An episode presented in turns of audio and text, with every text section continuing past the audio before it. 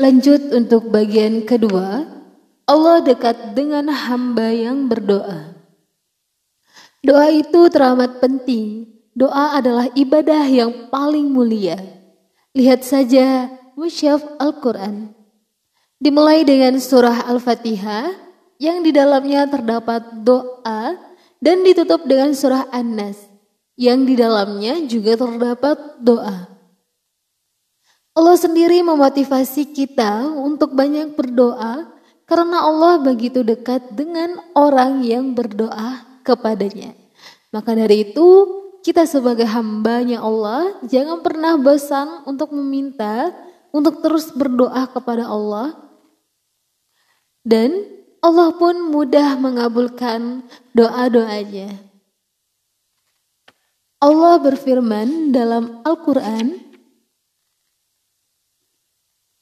Dan apabila hamba-hambaku bertanya kepadamu tentang aku, maka jawablah bahwa aku itu dekat.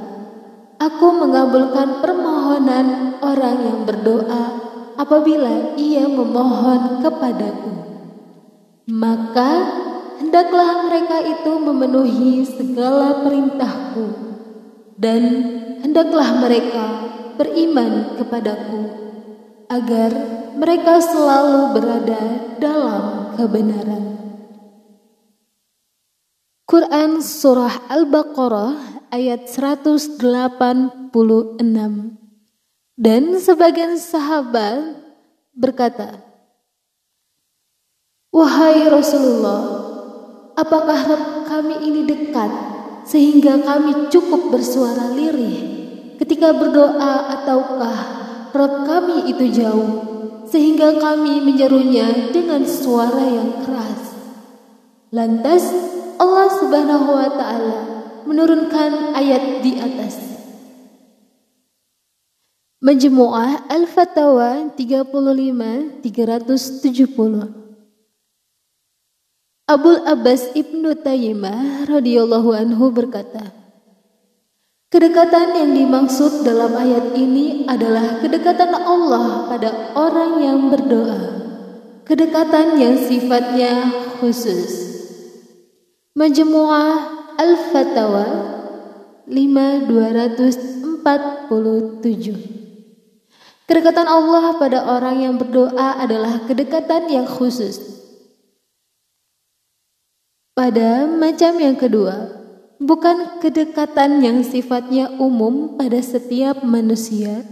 Allah begitu dekat pada orang yang berdoa dan yang beribadah kepadanya sebagaimana disebutkan dalam hadis pula bahwa tempat yang paling dekat adalah seorang hamba dengan Allah adalah ketika ia sujud.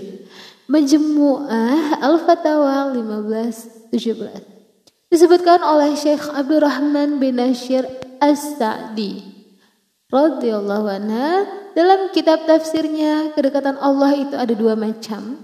Yang pertama, kedekatan Allah yang umum dengan ilmunya, ia berlaku pada setiap makhluk. Kedekatan Allah yang khusus pada hambanya dan seorang muslim yang berdoa kepadanya, yaitu Allah akan mengijabahi atau mengabulkan doanya, menolongnya dan memberi taufik padanya.